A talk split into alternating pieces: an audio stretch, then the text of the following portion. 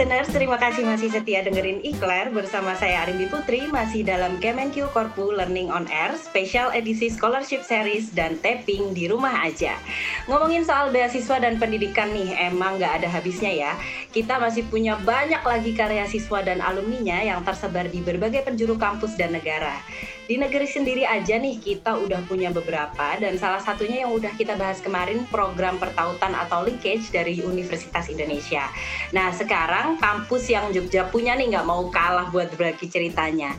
Di ujung sana kita sudah bergabung bersama Mas Kusuma Aji Nugraha. Selamat datang di Claire, Mas Aji. Selamat datang Mbak Rindi, makasih undangannya. Iya, sama-sama Mas. Terima kasih sudah bersedia untuk uh, berbagi bersama iklan listeners di sini ya Mas ya. Ya. Kebetulan Mas Aji ini baru saja pulang dari Melbourne ya Mas. Bulan apa waktu itu pulangnya Mas? Uh, kalau nggak, 19 Juli. Plan. 19 Juli. Dan itu uh, pas masih masa-masa pandemi juga ya itu Mas ya, masih pik-piknya di situ ya. Meskipun hmm. mungkin udah mulai landai, tapi mungkin sekarang udah mulai naik lagi nih, udah masuk ke gelombang-gelombang berikutnya. Nah kalau uh, Mas Aji sendiri boleh diceritain dulu Mas uh, kuliahnya di jurusan apa, di fakultasnya tadi udah di UGM ya Mas ya, linkage ke Melbourne Uni, kemudian boleh diceritain sedikit lah background pendidikannya gitu Mas. Oh ya, makasih Mbak Rimbi. Jadi ya. Uh, kalau untuk kuliah, saya memang lanjut untuk mengambil jurusan S2 manajemen. Nah, di UGM sendiri itu manajemennya nggak cuma general, tapi terbagi jadi lima konsentrasi. Yang pertama itu finance, kemudian human resource and organization, ketiga itu strategic management, keempat entrepreneurship, dan terakhir operations. Jadi uh, setelah kita di semester kedua, kita kemudian akan memilih konsentrasi, mau spesialisasinya mau ke ke mana.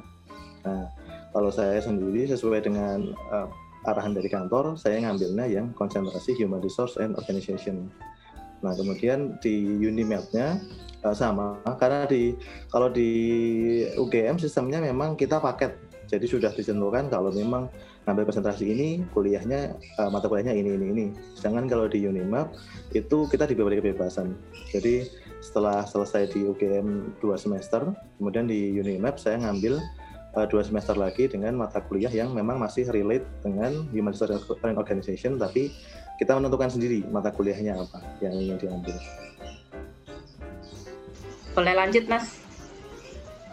Um, kalau untuk kondisi perkuliahan sebetulnya kalau yang membedakan antara S1 dan S2 sebetulnya dari segi effort mahasiswanya sendiri ya. Jadi kalau S1 kan biasanya kita masih banyak di deliver materi dari dosen. Sedangkan kalau S2 kan kita lebih uh, peran mandiri mahasiswa dan peran mandiri dan aktif mahasiswa lebih dituntut lagi. Jadi memang uh, reading materialnya saya akuin banyak banget untuk S2 ini. Jadi misal sebelum ada tatap muka itu ada tiga atau empat jurnal lah belum sama teks textbook yang harus kita baca. Tapi memang uh, yang membedakan antara Unimap dan UGM itu adalah proporsi nilai aktivitas. Ini yang menurut saya agak unik. Jadi di UGM memang sekitar 10-20% masih ada nilai kehadiran yang dipertimbangkan oh. oh, uh, total nilai secara keseluruhan. Tapi di Unimap itu sama sekali nggak ada. Nol, nilai kehadiran itu nol. Memang tidak ada di proporsi nilai. Jadi mau mahasiswa hadir full selama satu semester atau dia hanya mengikuti dari lecture capture saat mengerjakan assignment itu nggak ada bedanya. Jadi memang hmm. mahasiswa diberi kebebasan untuk itu. Karena memang mungkin oh. nggak semuanya nyaman dengan tatap muka di kelas kan. Mungkin ada yang oh. via lecture capture hanya mendengarkan rekaman eh, rekaman perkuliahan sudah cukup. Jadi memang tidak diwajibkan untuk hadir di kelas secara fisik. Oke. Wah, itu uh, unik sekali ya. Jadi ya mau datang apa enggak gitu. Yang penting mereka mengikuti seluruh uh, perkuliahannya sampai eksam itu selesai gitu ya Pak Mas ya. Hmm. kalau uh, apa namanya sistem linkage-nya sendiri uh, apakah dia sandwich atau uh, ada perubahan? Kemarin kebetulan di UI ada perubahan karena pandemi ya. Jadi awalnya yang satu semester terakhir masih di kuliah di UI tapi akhirnya uh, mereka satu kuli satu semesternya ini dipindah ke depan. Jadi pulang dari uh, apa program keluar negerinya itu mereka sudah tinggal tesis saja gitu. Nah kalau di UGM sendiri seperti apa mas? Uh, jadi gini uh, untuk yang UGM itu sebetulnya berdasarkan hasil survei saya ya, itu mitra kampusnya di luar negeri itu termasuk yang terbanyak karena mitranya ada 14, 14 okay. kampus. Mm. Di Australia sendiri ada tiga university yaitu Queensland, New South Wales dan Melbourne. Kemudian di negara-negara lain ada Jepang, Portugal, Jerman, Prancis, terus UK juga ada di Queen Mary dan di Hull. Nah jadi uh, untuk kebijakan sandwich atau tidaknya itu tergantung dari kerjasama antara UGM dengan kampus tersebut. Jadi ya. misal untuk yang di Jepang, Jepang itu sistemnya sandwich. Jadi satu semester di UGM, dua semester di Jepang, kemudian satu semester terakhir di UGM. Nah untuk yang lain itu uh, memang sistemnya bukan sandwich tapi dua semester di UGM, kemudian dua semester di luar.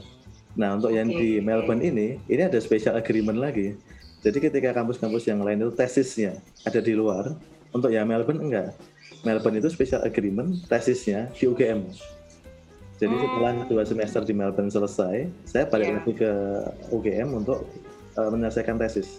Hmm. Jadi memang untuk uh, ketentuan itu tergantung agreement antara UGM dengan kampus mitranya. Oke, okay.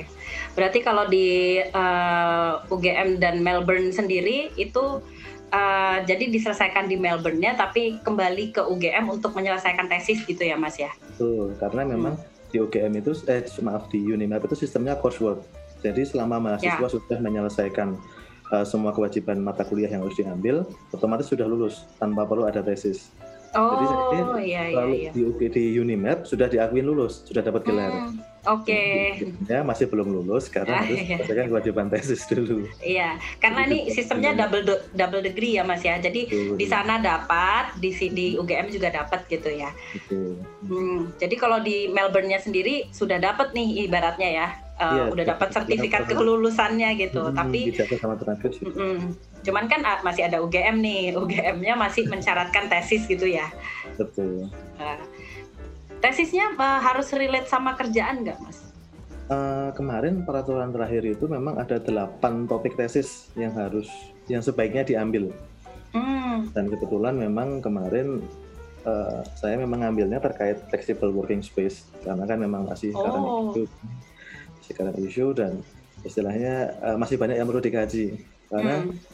sebetulnya uh, untuk tren pengelolaan pegawai di Indonesia itu agak lucu karena misalnya terjadi misal masalah merit system itu ketika di hmm. Amerika sudah mulai ditinggalkan kita baru mulai ini terus ketika ini flexible working space ini di Australia sudah lama diterapkan bahkan oh, okay. kita benchmarkingnya acuannya ke Australia makanya kemarin ah.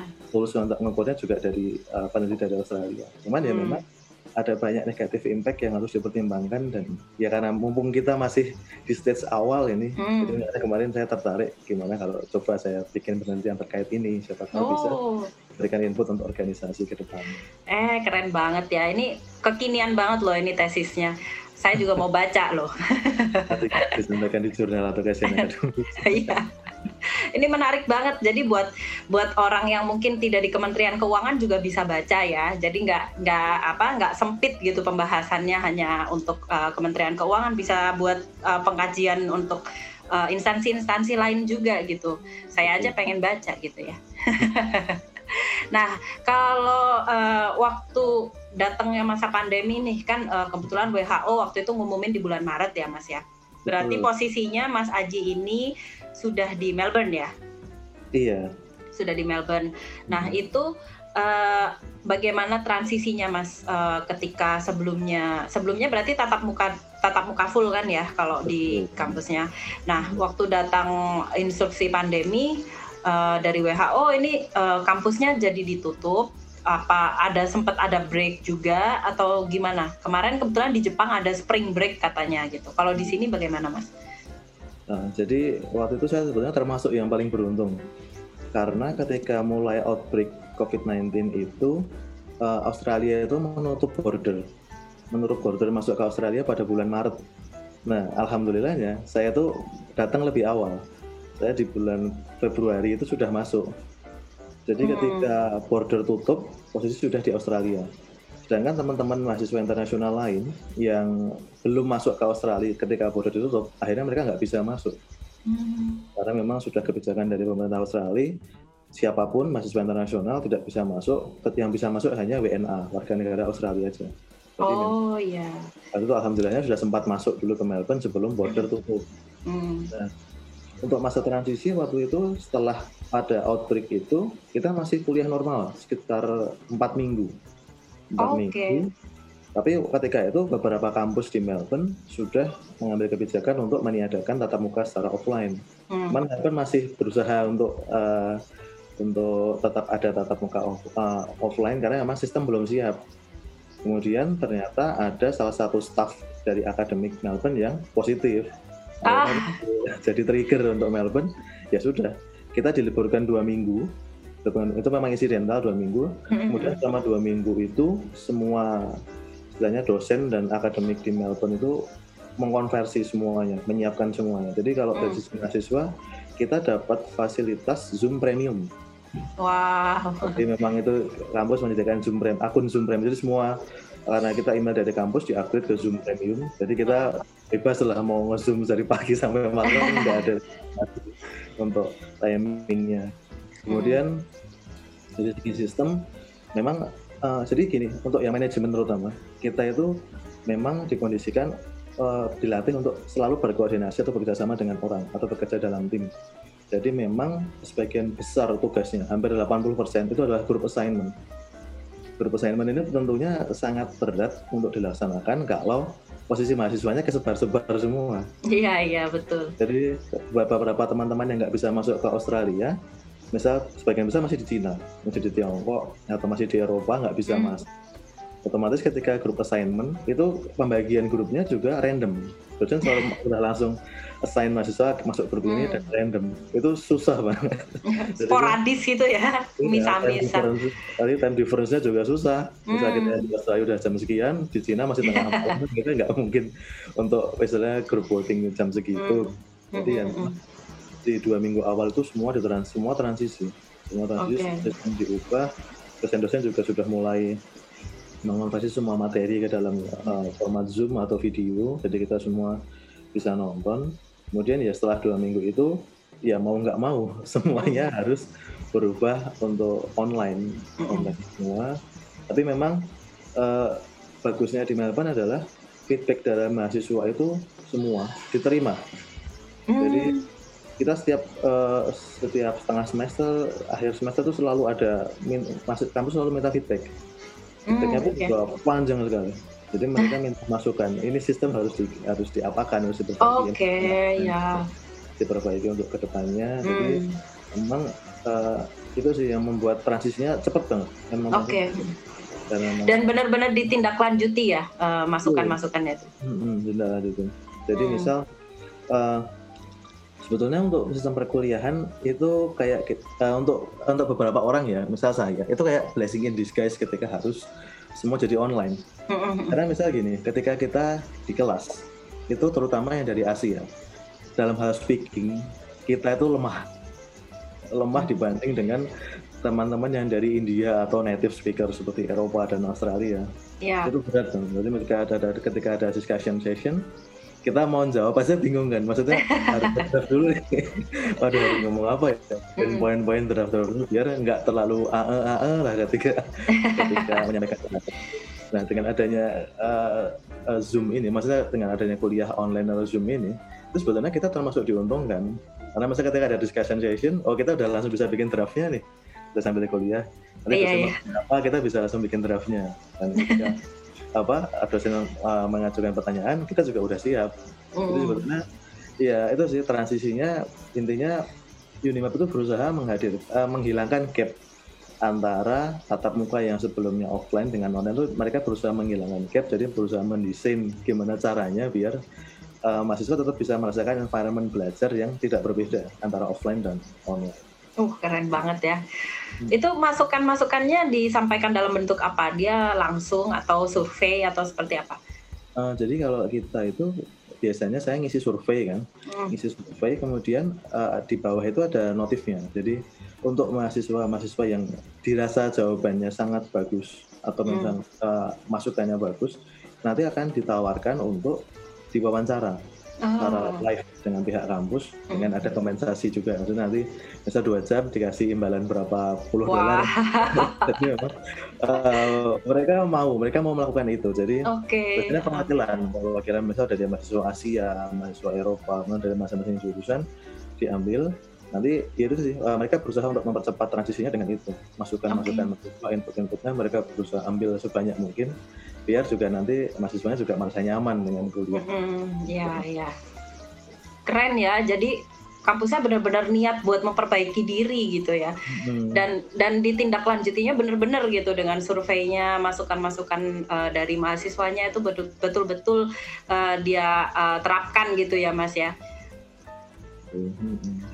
Kalau eh, terakhir nih sebelum eh, pulang ke Indonesia, eh, itu kebijakan Hmm. terbaru di kampusnya seperti apa? Apakah masih eh, menutup untuk mahasiswa asing? Kemudian eh, untuk penerimaan mahasiswa barunya nih, mungkin Mas Aji pernah dengar-dengar gitu yang eh, dari luar, apakah masih bisa masuk gitu?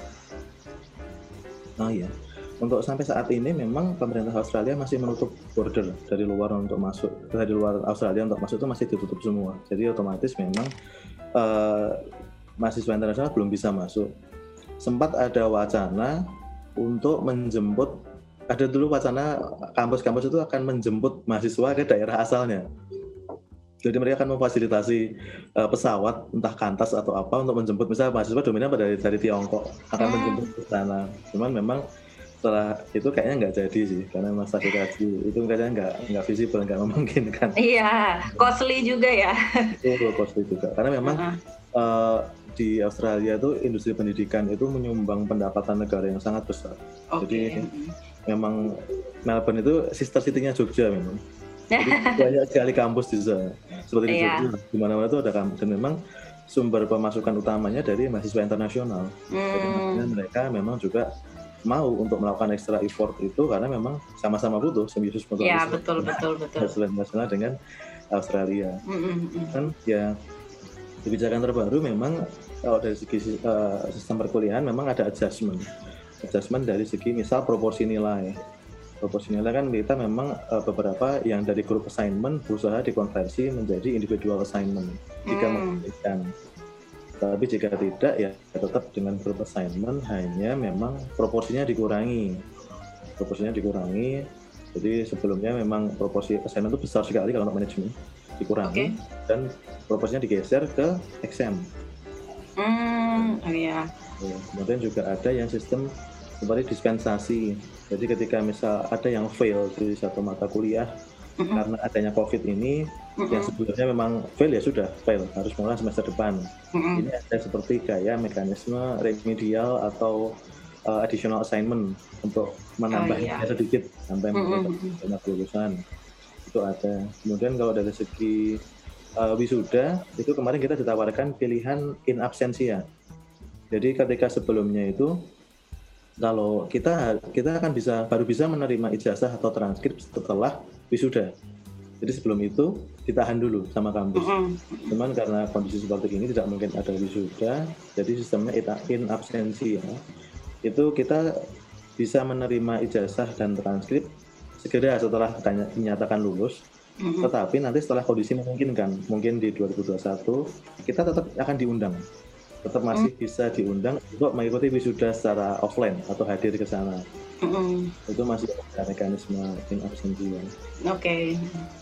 Kalau sekarang sudah pegang mas ijazahnya. Sudah, Oh, sekarang sudah dipegang. Ya, ya, kemarin dikirimkan Mm. Tapi jika memungkinkan nanti akan diadakan uh, wisuda tatap mukanya ya di Betul. 2021 gitu. angkatan corona nanti diundang semua untuk Angkatan corona ya. Nah, waktu pulang ke Indonesianya nih bulan Juli tadi ya, Jul- Hmm. bulan Juli itu ada uh, apa namanya hambatan gitu nggak mas? kalau jadi ketika waktu saya datang ke Melbourne setelah liburan semester itu Mm-mm. alhamdulillahnya kan tepat sebelum border ditutup Yap. ketika saya pulang 19 Juli itu alhamdulillah lagi itu adalah hari pertama diberlakukannya lockdown stage 4 Oh. tinggi stage tertinggi yang Ah. ada di Melbourne ketika itu. Jadi Hmm. saya berangkat itu setelah itu langsung lockdown stage 4 Oh my god.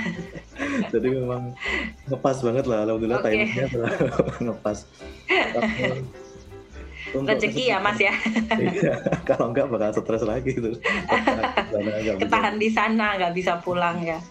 Nah kalau mahasiswa mahasiswa yang masih di sana gimana? Nggak bisa pulang? Uh, sementara ini memang masih terbatas sih. Jadi untuk kendala untuk pulang pertama itu dari segi frekuensi penerbangan mm -hmm. jadi memang uh, ketika sebelum COVID ini banyak sekali alternatif penerbangan dari Singapore Airlines ada, Air Asia ada, Citylink, Garuda itu banyak sekali. Hmm. Dengan adanya COVID ini industri penerbangan semua terdampak yang hanya ada Garuda Indonesia yang melayani penerbangan Melbourne ke Indonesia. Hmm. Nah jadi itu pun hanya dua minggu sekali. Oke, okay. frekuensinya nah, jadi berkurang ya. Sedangkan uh, jumlah warga negara Indonesia di Melbourne dan beberapa kota, beberapa state di Australia itu banyak sekali. Mm-hmm. Jadi mau nggak mau kita yang selesai di selesai kuliah di semester itu, istilahnya kita back for good. Back for good itu istilah untuk kembali ke Indonesia setelah selesai yeah. menyelesaikan pendidikan itu harus didistribusi secara merata. Karena kalau misal numpuk di satu tanggal, itu kan nggak mungkin terangkut semua karena kapasitas yeah. maksimal hanya 50% kan untuk pesawat yeah. isinya. Jadi memang kita waktu itu difasilitasi oleh konsulat jenderal dibuatkan grup WhatsApp semua didata jadi memang untuk uh, tiketnya kita didata jadi di split semua agar terdistribusi rata mm -hmm. jadi tidak akan over capacity okay. kemudian juga uh, kita harus swab test juga swab test jadi kemarin ya akhirnya sharing-sharing kan swab test yang paling apa paling cepat hasilnya mana karena memang hanya berlaku berapa hari ya tiga hari kalau nggak salah sebelum okay. keberangkatan kan jadi memang kita sharing-sharing info kemudian juga ketika itu yang paling menyulitkan justru malah kondisi di dalam negeri kan mm -hmm. itu ada kondisi tempat ada beredar berita yang habis dari Belanda uh, kalau nggak salah dia belum bawa hasil swab test dan akhirnya dikarantina ke wisma atlet sambil mm. menunggu keluar nah kan kita mm sebenarnya deg-degan kan itu waduh ini kalau kita sampai ke wisma atlet akan sangat susah karena ada yang yeah. dan anak kecil juga kan. Mm -hmm, betul betul itu sistemnya ya dengan adanya grup WhatsApp dan Telegram itu uh, beberapa yang sudah berhasil pulang duluan itu langsung menyampaikan informasi semua yang mereka peroleh dari dulu mm. mereka sampaikan semua. Oke. Okay. Misalnya apa yang harus, apa yang sebaiknya jangan dibawa, kemudian mm. ketentuan swab testnya, keterangan-keterangan apa yang entah nesofaring atau apa yang harus ada. Nah itu dari siapa mas Sorry tadi? Itu dari yang yang sudah pulang duluan. Tadi kan ada beberapa oh. penerbangan mm-hmm. yang bisa pulang duluan. Itu begitu sampai di Indonesia langsung share di grup pengalaman okay. mereka. Uh, mereka jadi mereka landing terus kemudian apa yang mm-hmm. berkas-berkas apa yang disiapkan semua di, di share semua jadi yang belakang-belakangnya bisa mengikuti oh berarti apa misal swab testnya harus kayak gini karena saya sempat mengalami itu swab testnya itu kan karena dokternya beda yeah. jadi keterangannya beda oh. yang menuliskan negatif tapi nggak uh. ada yang keterangan di mesofaring atau segala macamnya nggak ada uh.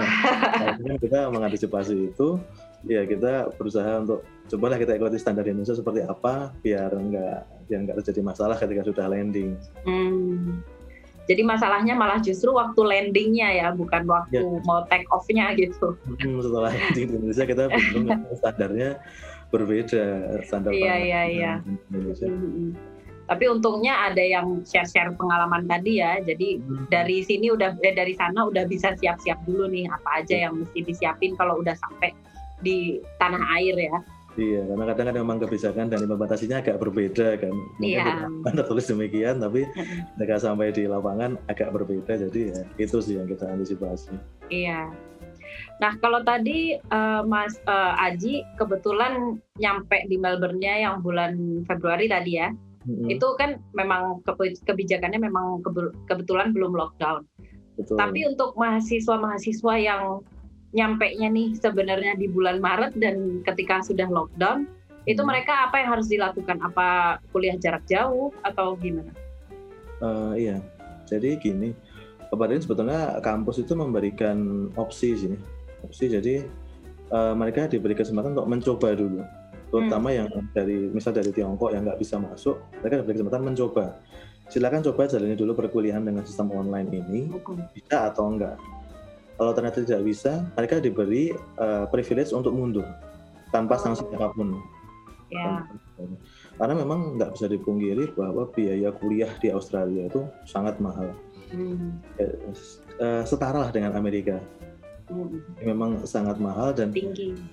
Iya dan istilahnya uh, kalau kita dari sisi misal kita bukan hanya bukan beasiswa ya, kita harus bayar sendiri kemudian kita kuliah online dan tidak mendapatkan semua fasilitas yang seharusnya bisa kita dapatkan ketika kita kuliah offline. Itu kok yeah. sayang banget itu kan. Sayang banget. Jadi memang memang kampus memberikan kebijakan itu. Kalau enggak kan kalau memang tidak bisa untuk tidak nyaman dengan mekanisme online ini boleh mundur dan boleh menunda. Maksudnya uh, boleh cuti dulu lah istilahnya. Boleh cuti mm -hmm. dengan kondisi memungkinkan untuk bisa ke Australia lagi. Nah terus kemudian memang ya itu tadi sih untuk kegiatan perkuliahan memang semua tutup. Kampus tutup tidak bisa korpus tidak bisa ke mana-mana. Jadi memang kita hanya bisa mengandalkan zoom dan materi yang diupload oleh dosen. Jadi ya, mau nggak mau memang berat sih memang karena ya itu tadi uh, mungkin nggak cuma mahasiswa di sana tapi di Indonesia juga sama ketika berubah yeah. jadi online beban assignmentnya jadi sangat banyak berat banget banyak jadi mm -hmm. kan sampai ada yang ngeluh kita mintanya kuliah online pak bukan tugas online juga jadi memang beban assignmentnya saya pernah dalam satu minggu itu ada delapan assignment oh. yang date jadi wow. nggak tidur seminggu tuh memang submit aduh iya iya iya terlalu ya memang bebannya jadi terlalu besar untuk, mm -mm. untuk assignmentnya. Bebannya besar, kayak nggak ada apa jeda waktunya ya, jadi nggak ada eh, nggak uh, ada jam-jam kalau misalnya kuliah dari jam 8 pagi sampai jam 8 sore udah selesai tapi ini bisa di luar jam itu tuh masih ada tugas masih ada yang lain-lain gitu ya kalau iya. beban online-nya lebih banyak gitu Hmm, dan ya memang terutama tadi kalau misalnya grup assignment masalah koordinasi itu memang sangat susah kan. Pada yeah, yeah. Terutama dari tadi memang yang kita aku memang language barrier itu memang signifikan banget mempengaruhi. Hmm, Maksudnya, yeah, yeah. Iya, kita ketika orang Indonesia non native speaker ngomong Betul. bahasa Inggris pasti kan ada accent-accent yang mungkin nggak bisa ditangkap untuk pendengar-pendengar dengan accent yang lain kan. Ya wajar. Hmm, ya, mungkin hal itu nggak akan terlalu signifikan dampaknya kalau kita bisa tatap muka langsung. Mm-hmm. Tapi ketika kita online gini via Zoom itu banyak banget missnya. Iya. Kadang bahasa sendiri aja nggak nggak terlalu jelas gitu ya mas, apalagi bahasa orang ya. iya. Kadang susah banget kita koordinasi. Ini ngomong apa sih sebenarnya? Iya. Jadi masalah apa zona waktu yang berbeda, language mm-hmm. itu memang iya berat untuk mahasiswa untuk terutama masa adaptasi ini memang transisi ini memang ya, sangat memberatkan mahasiswa. Mm -hmm. Tapi itu diuntungkan dengan nggak ada tesis sih ya mas ya di sananya gitu. Jadinya uh, meskipun assignmentnya jadi berat banget gitu. Yeah. Kalau assignmentnya sebetulnya uh, di take home atau uh, dikerjakan secara online gitu di depan komputer. Uh, kalau untuk exam dan assignment sebetulnya kalau assignment memang take home. Kita biasanya diberi waktu sekitar dua minggu, hmm. harus menyusun ketentuannya misal 3.000 kata atau 5.000 kata. Oh ya, semacam paper gitu ya. Tuh. Sedangkan kalau untuk exam, kita biasanya online. Macam-macam sih, ada yang memang kita diberi waktu dua hari. Dua hari silakan selesaikan, karena untuk mengantisipasi tadi kan waktu yang berbeda, yeah. dua hari silakan selesaikan soal-soal ini, kemudian disubmit via hmm, aplikasi atau online itu. Tapi ada juga yang memang tiga jam langsung.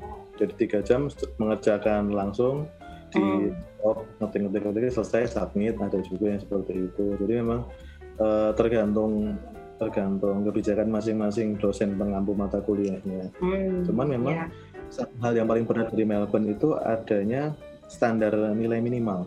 Jadi uh, saya lupa istilahnya apa, tapi intinya gini, uh, nilai exam itu minimal ada 50%.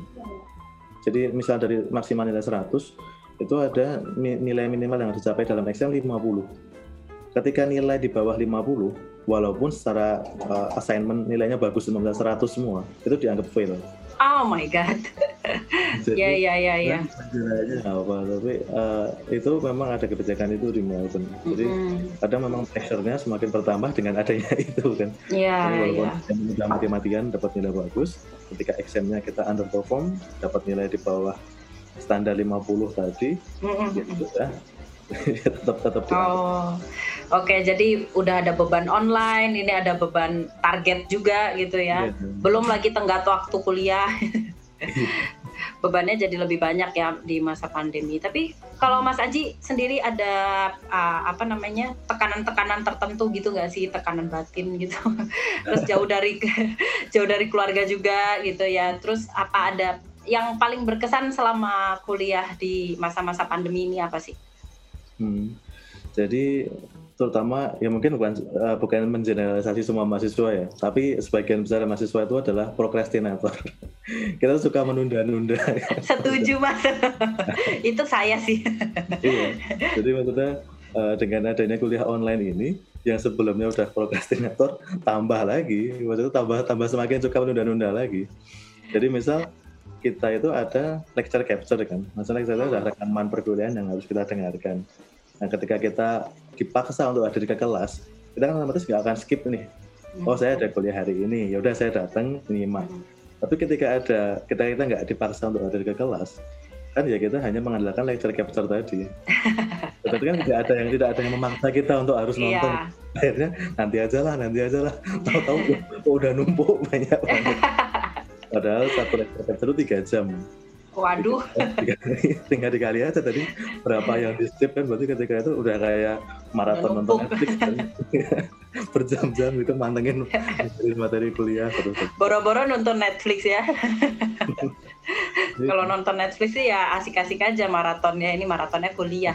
maratonnya materi kuliah. Jadi memang ya dari satu sisi uh, ada ada positif dan ada negatifnya ya hmm, di betul, betul. dari sisi positifnya memang fleksibilitas waktu dan tempat itu ya sangat membantu lah. Mm-hmm. Soalnya uh, Melbourne itu adalah, eh, sorry maaf, Melbourne itu adalah uh, kota empat musim, tapi bukan dalam satu tahun, dalam satu hari. Jadi misal habis subuh, itu suhu minus nih, minus 5 derajat. Nanti keluar, jalan agak siang, suhu naik, tahu-tahu hujan. Oh. pagi. Oke. Okay. Nanti siang, tahu-tahu bisa heat wave, suhu naik 45 derajat. Ya ampun. Malam itu itu kulit udah kayak apaan itu ya? Iya, jadi bisa aja sampai kampus basah kuyup, tapi habis itu panas nggak ada apa-apa itu bisa kedinginan juga. Jadi maksudnya bagi, bagi kita yang ada kendala jarak antara kampus dengan tempat tinggal itu jauh, sebetulnya menguntungkan karena memang nggak perlu ada effort lebih untuk transportasi bolak-balik kampus dan tempat tinggal.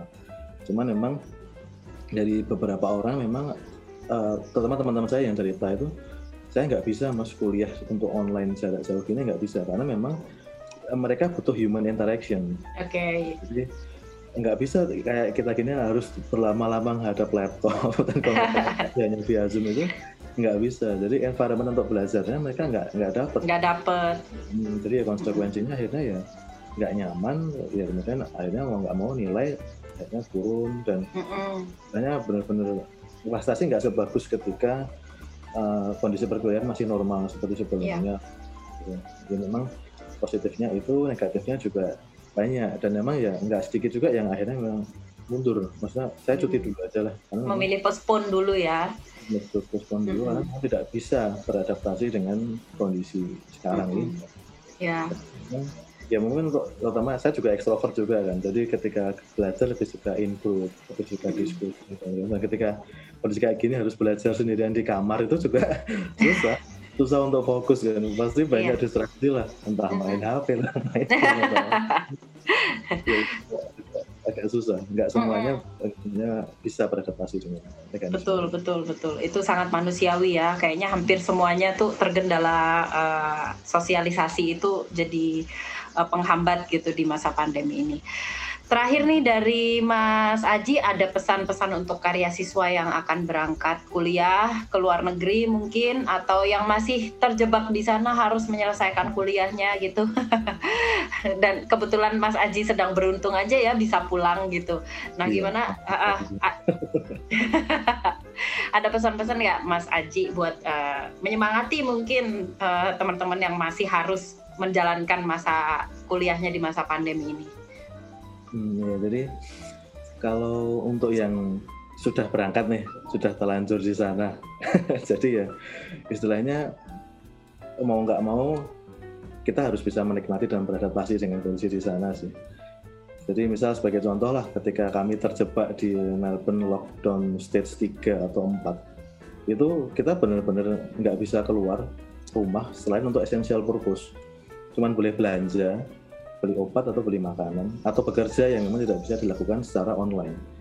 Jadi ya tingkat stresnya, tingkat frustasinya itu tinggi banget. Bahkan hmm. di sana itu polisi pun patroli dari pagi sampai malam itu nggak oh. berhenti. Itu jalan-jalan di kota terus. Waduh. Ketika kawan ada yang misalnya ngumpul dua orang nggak jelas ah. tujuh, itu langsung denda di tempat dan dendanya pun nggak main-main, bisa okay. ribuan dolar. Ribuan dolar itu bisa puluhan juta kan. Waduh. Jadi memang bahkan untuk bepergian pun kita maksimal jarak hanya 5 km dari tempat tinggal. Oh, Jadi dibatasi kan, sekali ya. Dalam satu rumah pun maksimal lima orang. Jadi waktu kita Idul Fitri mau sholat id itu, ya udah ngumpet-ngumpet. Jadi oh. masuknya sembunyi dari beberapa pintu dan selesai sholat id ya udah nggak nggak boleh terlalu berisik karena kalau sampai ada yang lapor kita lebih dari lima orang di situ walaupun tujuannya ibadah ya akan datengin petugas bisa ditenda. Oh sempat sempat sholat id di sana ya mengalami ya? Sempat ya. Hmm. Saya kangen lah sama teman-teman sama muslim di sana jadi ya, pernah kali sedikit. Oke. Okay. Itu sholatnya di masjid atau di salah satu uh, rumah? Di apartemen, karena kan masjid tutup. Oh di apartemen. Oh oke. Okay. Tempat ibadah tutup. Oh iya iya. iya. yang menjual kebutuhan pokok aja. Hmm. Kalau itu juga nggak nggak bisa, hanya bisa take away, nggak boleh dine hmm. Jadi memang sebenarnya kondisi ini berat lah, nggak cuma di Indonesia tapi di luar pun juga berat. Yeah. Tapi yang buat yang jauh dari keluarga kan, hmm. ya, yang bisa lakukan ya cuman ya berusaha berjuang sebidangnya selesaikan kewajiban perkuliahan sebaik hmm. mungkin tepat waktu dan ya mungkin pulang untuk berkumpul dengan keluarga lagi karena istilahnya kalau misalnya kita gagal konsekuensinya akan lebih panjang lagi hmm, gitu. betul betul soalnya akan lebih panjang jadi ya jangan gagal dan tetap semangat. Kemudian untuk yang belum berangkat sebetulnya uh, kita kehilangan banyak hal sih. Ketika terutama saya dari skim dari jurusan manajemen ya. Karena memang kita dilatih untuk mengembangkan networking kita. Networking kita kan memang tujuan manajemen kan itu ya. Kita mengembangkan networking bagaimana bekerja sama dengan orang lain. Nah jadi ketika kita nggak bisa ketemu langsung itu otomatis keunggulan itu akan hilang kita nggak bisa membangun koneksi dan networking mana pun cuman ya uh, bagi saya sih kita bisa mensubstitusi hal itu dengan berusaha mencari mata kuliah yang kira-kira memang benar-benar bermanfaat buat kita dan juga buat organisasi ke depannya. Jadi misal uh, saya sebelum mengambil mata kuliah, saya akan konsultasi dulu nih dengan misal teman-teman saya di STAN. Saya tanya, misal oh aku mau kuliah ini nih di Melbourne Management. Kira-kira di STAN itu yang uh, pengajarnya masih kurang juru, apa dosen yang menguasai kompetensi apa atau jurusan apa yang masih perlu uh, ya, ya. jadi maksudnya jangan sembarangan ngambil mata kuliah hanya sebatas oh ini nilainya enak nih gampang dosennya enak nih gampang sebetulnya uh, kita sebagai mau yang mau kuliah di luar atau yang bisa memperoleh privilege untuk dapat beasiswa, jangan sia-siakan kesempatan itu lah. Mm-hmm. Nah, carilah mata kuliah yang benar-benar bisa memberikan implikasi positif untuk kita dan juga untuk organisasi. Misalnya kemarin ya tadi itu uh, saya dikasih tahu teman project management bro, karena masih banyak yang um, istilahnya masih sedikit banget di Indonesia orang yang menguasai kompetensi itu. Makanya kan kita kalau ada proyek-proyek apa pun kita pakai konsultan dari luar kan, karena masih sedikit uh, orang-orang Kementerian yang menguasai project management. Oke okay, siap, oh. ya, ambil itu. Nah, jadi ya secara garis besar uh, kita implementasikan aja ilmu statistik management. Uh, VRIN rumusnya. Valuable, real, inimitable, non-substitutable. Jadi kalau jadi ya gampangannya kita harus punya competitive advantage lah dibanding kompetitor kita. Jadi Gimana caranya untuk kita punya competitive advantage? Ya tadi itu, carilah mata-mata kuliah yang kira-kira memang masih jarang di Indonesia. Dan kemarin saya juga sempat survei, saya bandingkan um, sama-sama Human Resource Management, Human Resource Organization di beberapa kampus di Indonesia. Mata kuliahnya apa saja. Dan yang nggak ada di Indonesia, yang ada di Australia apa aja, itu yang saya ambil. Uh, keren banget. Iya, jadi maksudnya pertimbangannya uh, matang sekali ya untuk mau mengambil satu mata kuliah, eh mengambil satu jurusan aja tuh harus membanding-bandingin dulu gitu. jadi memang ya kalau bisa kita punya sesuatu yang berbeda lah. Kalau hmm. misalnya nggak ada bedanya, kita balik ke Indonesia juga maksudnya ya apa bedanya anda dengan lulusan dalam negeri mending kuliah dalam negeri aja lebih hemat jadi maksudnya ketika kita ditanya apa sih yang ber, apa yang sih yang berbeda dengan kuliah di luar kita bisa jawab misalnya saya kemarin itu sebetulnya spesialisasinya adalah change management hmm. itu di Indonesia memang masih jarang ya. dan kita misalnya ngomong di konteks organisasi change management itu terjadi setiap tahun bisa kayak di kita di BPK berubah dari dari lembaga diklat konvensional ke hmm. university kemudian sekarang kita berubah dari sistem kerja konvensional ke flexible working arrangement jadi yeah. kan ya. semua itu selalu berubah dan terkadang kita juga tidak menyadari bahwa untuk berubah itu ada change management yang perlu diterapkan hmm. kalau misalnya kita bisa dapat ilmunya kan mungkin kita bisa memberikan input-input yang diperlukan oleh organisasi tadi biar perubahannya bisa lebih smooth yeah. asistensi dan lain-lain. Jadi kalau misalnya teman-teman serius, terutama untuk yang udah punya pekerjaan ya, kita kan istilahnya nothing tulus ya.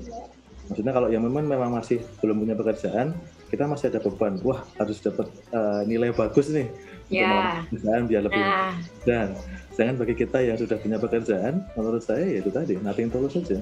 Yang penting cari ilmu yang benar-benar nanti bisa bermanfaat, bisa kita aplikasikan di pekerjaan, dan gak usah terlalu mikirin nilai yang penting kita yeah. dapat ilmunya ilmunya bisa kita gunakan itu menurut saya akan jauh jauh lebih bermanfaat Betul, setuju sekali. Jadi nggak perlu mikirin nilai ya. Itu nilai itu hanya bonus aja lah istilahnya. Kalau bagus ya, alhamdulillah. Tapi ilmunya yang lebih harus kita pertanggungjawabkan. Betul, betul, betul. Setuju sekali sama Mas Aji nih. Aduh keren banget deh. Makasih ya Mas Aji sudah berbagi sama Eclair listeners nih ilmu-ilmunya keren-keren banget loh. Ini gimana caranya? Eh, tips-tips uh, men mencari jurusan ketika uh, ini ya kuliah gitu. Cari yang beda gitu yang membedakan kita dengan orang lain yang membedakan kita dengan uh, institusi-institusi lain mungkin gitu. Kenapa kamu memilih jurusan ini di sini gitu ya? Hmm. itu nanti kita bisa jawab kenapanya. Itu berguna juga buat kita yang uh, mungkin iklan listeners yang belum dapat kerjaan gitu ya. Nanti kalau interview kerja nanti ketika ditanya apa keunggulan kamu jadi dia bisa jawab gitu. Oh keren sekali Mas Aji. Terima kasih banyak Mas Aji udah bersedia bergabung bersama Eclair Listeners di sini. Jangan kapok-kapok nanti ya Mas ya kalau diundang lain-lain kali. Sama-sama. Makasih atas kesempatan. Ya. Mudah-mudahan cepat selesai dan lancar ya tesisnya dan selesai studinya di UGM. Oke. Okay. Terima kasih juga Eclair Listeners udah dengerin sampai uh, di sini ya. Kita masih ada satu episode lagi dari Scholarship Series, jadi jangan ke mana-mana. Stay tune di episode terakhir Scholarship nanti ya. Sampai jumpa.